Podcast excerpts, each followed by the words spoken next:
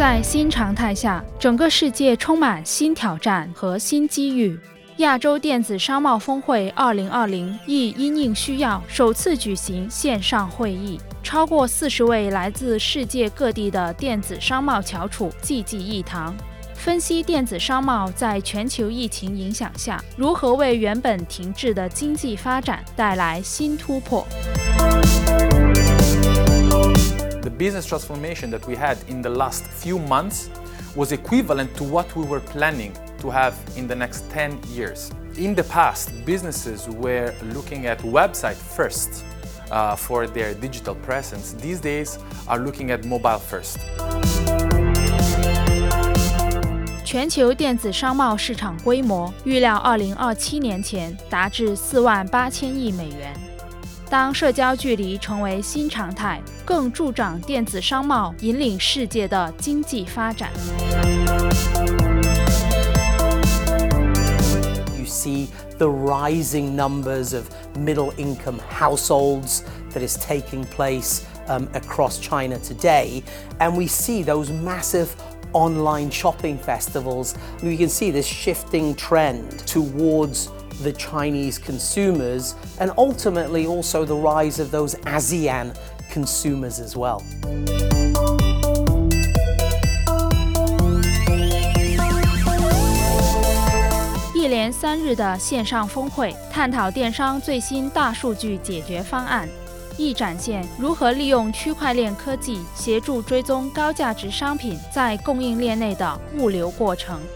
我喺西藏買蟲草，咁你見到就係嗰盒蟲草就喺西藏已經入咗盒啦。你見到一路 trace trace trace 嚟，咁一路 all along the way 佢一路 send signal 俾你，哦，我到咗邊度，我到邊度，咁 keep 係咩 condition？咁你就誒用一個 blockchain 同埋一個 IoT 嘅 solution 去保護佢，可以 make sure 佢唔會被破壞啦，唔會俾人換啦。咁呢個其實可能係 potentially 一個大嘅爆發點，就係一啲高價值嘅物件裡面點樣去俾人哋信心，從而去帶動呢個呢個 retail。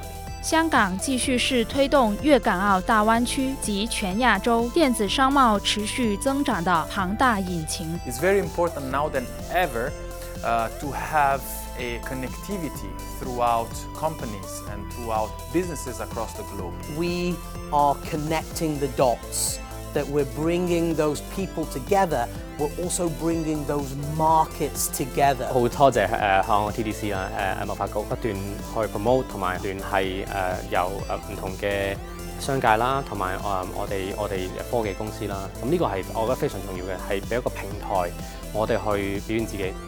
香港贸易发展局举办的亚洲电子商贸峰会2020，是助你迎接新常态、新挑战、发掘新商机的一站式平台。